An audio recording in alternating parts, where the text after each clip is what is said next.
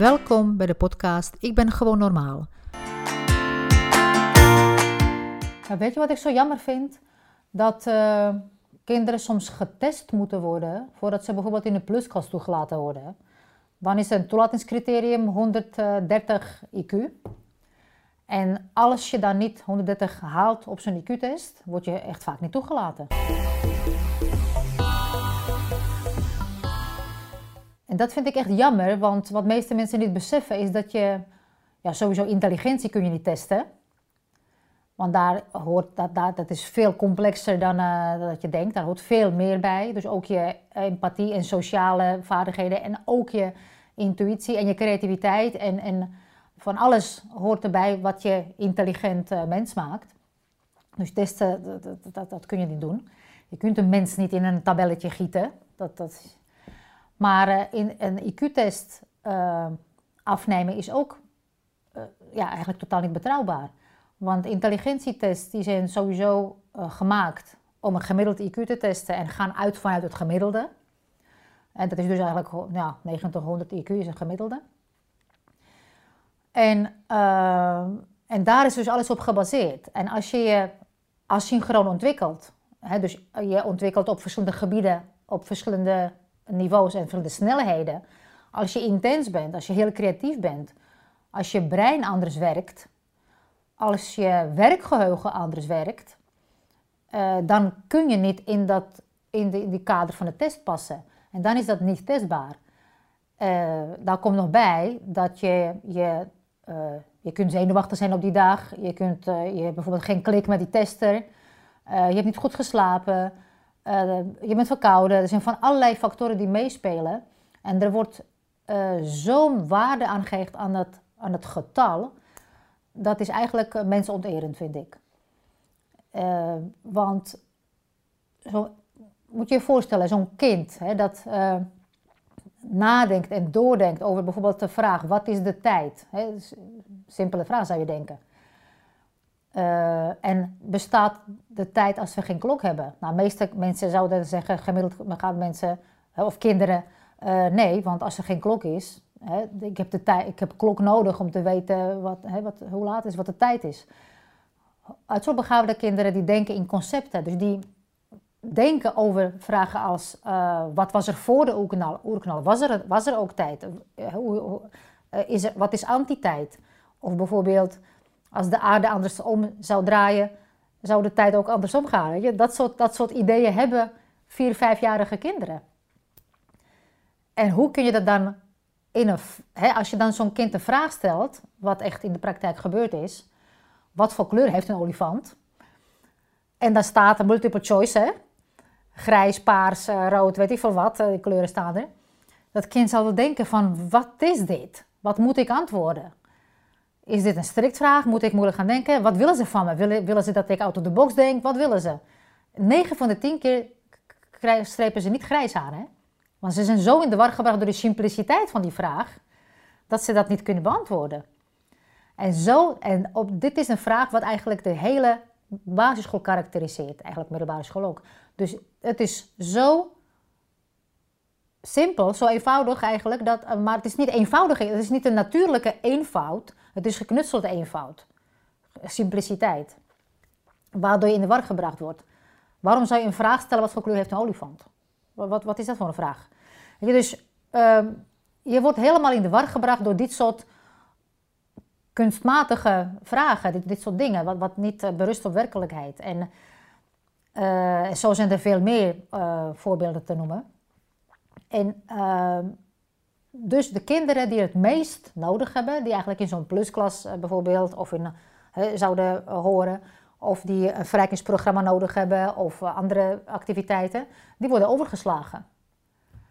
En meestal worden die plusklassen gevuld met volledig aangepaste, goed presterende leerlingen.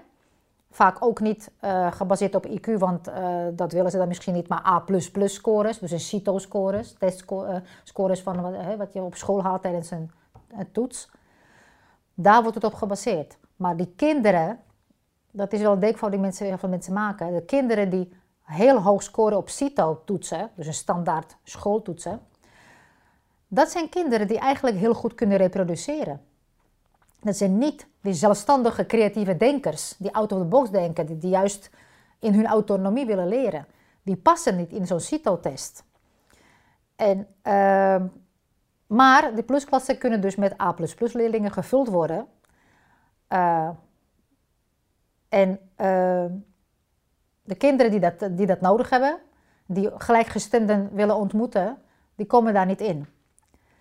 En heel triest is ook dat sommige scholen die plusklas als een soort beloning gebruiken. En uh, verrijkingsmaterialen ook. Dus als je je basiswerk goed hebt, en als je dat goed af hebt, hè, dan pas mag je aan je verrijkingswerk. Dan pas mag je in de plusklas. En soms word je ook teruggehaald van plusklas omdat het basiswerk niet goed gaat. En pas als dat weer goed is, dan mag je er weer in.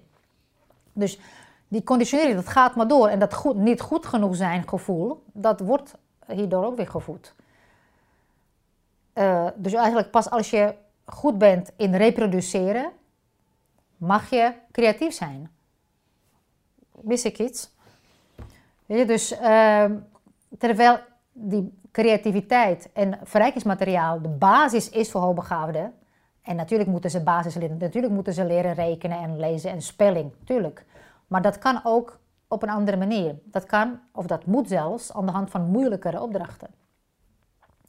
En dat is ook wat, uh, wat het testen aangaat. Dus niet alleen IQ-testen, maar ook CITO-score-testen, waar het uh, misgaat. En dat is ook dat hokjesdenken. Dus mensen willen een complexe wereld, complexe mensen willen een soort begrijpelijk voor zichzelf hebben. Ze willen dat uh, in een kader plaatsen.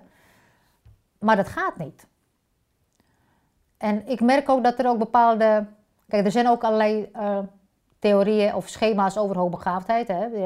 als je hoogbegaafd bent, uh, moet je bijvoorbeeld 130 IQ hebben op een test. Moet je creativiteit laten zien en motivatie. Dat is een, dat is een basic hè, van, van Renzulli, zo heet die man. Maar sommige mensen nemen dat letterlijk over. Dus hij bedoelt dat op een bepaalde manier als een concept, als een idee. Maar ze nemen het letterlijk over. Dus als het kind niet in de klas laat zien dat het gemotiveerd is en geen creativiteit laat zien. En ook nog niet eens uh, 130 IQ scoort, zou het niet hoogbegaafd zijn. Maar hoe kun je als, probeer voor te stellen, als Michelinster chef laten zien aan het schillen van aardappelen dat je drie gangen of vier gangen of vijf gangen menu kan koken. Dat gaat je dus niet lukken. Maar dat wordt wel van het kind verwacht. Aan de hand van de basisstof moeten ze laten zien wat hun intelligentie is, wat erin zit. Dat gaat niet, dat bestaat niet. Dus je moet eerst de omgeving creëren waar het kind zichzelf kan zijn, durft te zijn, waar het echt zijn potentieel kan laten zien. En dan pas zie je het werkelijke kind. Dus niet aan de hand van een standaard uh, testje. Daar, daar kun je niks aan meten. Helemaal niks. Ja, de mate van reproduceren, dat is wat, wat je kunt meten. Maar de intelligente mensen zie je daar uh, totaal niet in terug. Kijk, ik, zou niet, uh, ik ben niet meteen uh, voor het, alle testsystemen af te schaffen. Natuurlijk, je kunt daarmee iets meten. Je kunt, je kunt dat momentopname zien. Je kunt daar misschien iets in kaart brengen. Maar wat daarbij nodig is, bij welk test dan ook, ervaring van de tester. Dus ook al test je op intelligentie, of zoals ik doe didactische onderzoeken, dus ik ga kijken hoe ver een kind voorloopt op, uh, op schoolse vaardigheden. Daar heb je ook je inzicht voor nodig, je ervaring en je gezonde verstand. Je kunt het niet interpreteren, gewoon kaal, wat heeft het kind gescoord, dit is het. Dat, dat, dat, dat kan niet. Het is altijd een momentopname. En als je in gesprek gaat met zo'n kind, dan merk je vaak dat dat, er, dat er meer in zit of dat het anders denkt. En dat het uh, vaak aan bepaalde verwachtingen wil voldoen, waardoor het antwoorden geeft, hè, waarvan het denkt, uh, dit, dit willen ze van me horen. En als je daar doorheen prikt en doorheen kan kijken en uh, eh, open-minded zelf bent als tester of, of, gesprekspartner voor het kind, dan ontdek je ja, de ware wereld van dat kind, de, de ware belevingswereld. En dat is heel erg, heel erg mooi om dat te zien. Kijk, en de CITO-toetsen zijn er natuurlijk, oké. Maar de kinderen eh, zouden eigenlijk uh, uh, aan één kant vaardigheden moeten leren. Hoe ga ik om met CITO-vraagstellingen? En dat, dat zijn vaak hele vreemde vraagstellingen waarbij je echt dan moet echt leren om daarmee om te gaan. Van wat willen ze van me? Dat, dat, dat moet je trainen. Dus je kunt het wel gaan afnemen als school, maar ik zou dat niet als een maatstaf nemen, bijvoorbeeld om een kind toe te laten of, of om een kind advies te geven voor middelbare school. Of om daar aan te koppelen wel of niet plusklas of wel of niet belonen met verrijking. Daar zou ik, dat, zou ik totaal los zien. Ik zou dat gewoon meenemen als het, is wat het is. Oké, we, doen het, we nemen het uh, af. Misschien doen we er iets mee of niet. Zo eigenlijk uh, zou je daarin kunnen staan. Maar je kunt het, pas, je kunt het eigenlijk pas loslaten als je zelf uh, als leerkracht bijvoorbeeld of specialist meer weet. Hè, als, je, als je dat durft los te laten. Dus daar geldt het ook voor. Je houdt je ergens aan vast omdat je denkt dat je dat nodig hebt. Dus als je zelfvertrouwen hebt en als je meer kennis hebt en inzicht en ervaring, durf je dingen los te laten. Dan ga je het wel meten, maar je neemt het mee in het totaalplaatje. Je, dus je gaat, eh, je gaat het soort beoordelen. Je gaat, je gaat eh, beoordelen van uh, wat, wat kan ik ermee observeren. Vooral observeren is heel belangrijk. Zonder oordeel observeren. En dat is eigenlijk wat, wat veel meer werkt. Ik heb een soort schema ontwikkeld waarin die asynchrone ontwikkeling van kinderen terugkomt. Zal ik, dat zie je in mijn andere video over asynchrone ontwikkeling.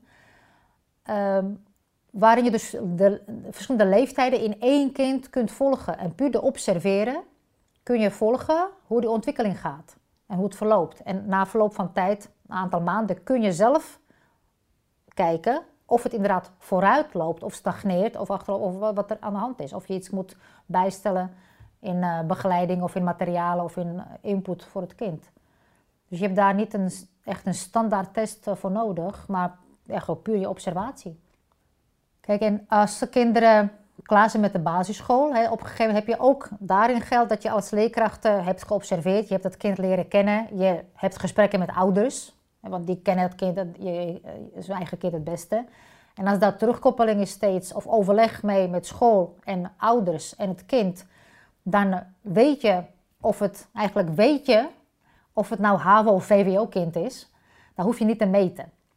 En ook als kort dat kind op dat moment, op de laatste CITO van groep 8, uh, eh, VMBO-niveau, dan was het op dat moment een momentopname. Dan is het niet een bindend, advies. Dan, heb je, dan weet je dat het kind anders is, dat dat, dat in een andere uh, groep, bij een andere groep mensen past. Dus dan, uh, daar kun je advies op baseren voor middelbare school. Nou kijk, wat, wat, wat wel eens nog steeds gebeurt, is dat mensen zich te veel te veel waarde hechten aan zo'n test. En ik heb soms gesprekken met scholen die niet daarvan willen afwijken. Die denken dat meten weten is. En dat is misschien zo als je een nieuwe vloer wil hebben voor je woonkamer. Dan moet je wel drie keer meten. Maar dat is niet met, uh, met kijken naar mensen. Ja, met bepaalde dingen zoals lengte en schoenmaat, oké. Maar je ontwikkeling en je empathie en je intensiteit en je uh, sociale vaardigheden en weet ik veel wat, hoe je bent als mens. Ja, dat kun je niet in een hokje zitten. Misschien op dit moment, dan is het een momentopname. Maar niet, als, niet voor altijd. Dat is altijd in continue ontwikkeling, in continu flow, altijd in verandering. En dat is toch juist heel mooi. Want dat is juist wat, wat, we ook, wat je ook wil aanmoedigen.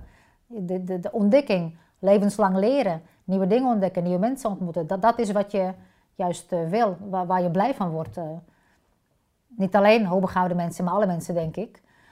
Uh, dat de, de, ja, de drang aan, naar nieuwe input, dat is waar je iedere dag mee te maken hebt. En dat kun je voor jezelf leveren. Dus je kunt natuurlijk, en, en je bent iedere dag ook, nou ja, ik wil niet zeggen anders, maar je kunt iedere dag anders zijn. Die spontaniteit in zijn, dat hoort ook bij die autonomie. En dat kan ook weer invloed hebben op het test op dat moment.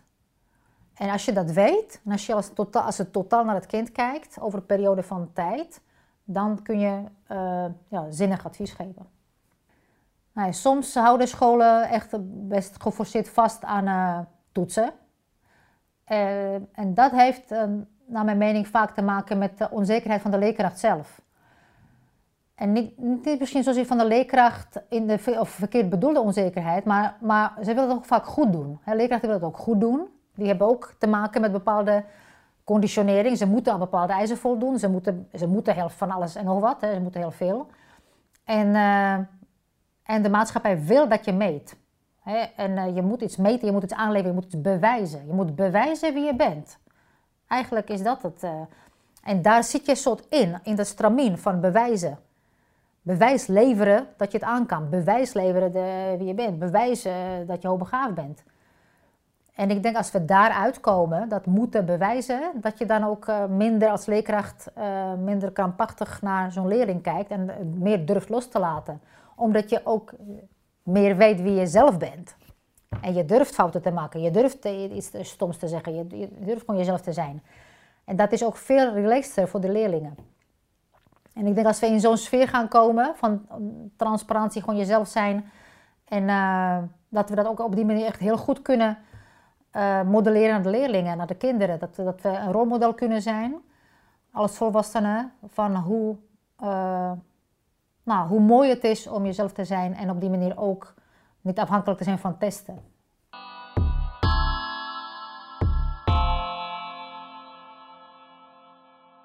Als je vragen hebt kun je me mailen op renata.iq.nl Tot de volgende keer. Zorg goed voor jezelf en zorg goed voor elkaar.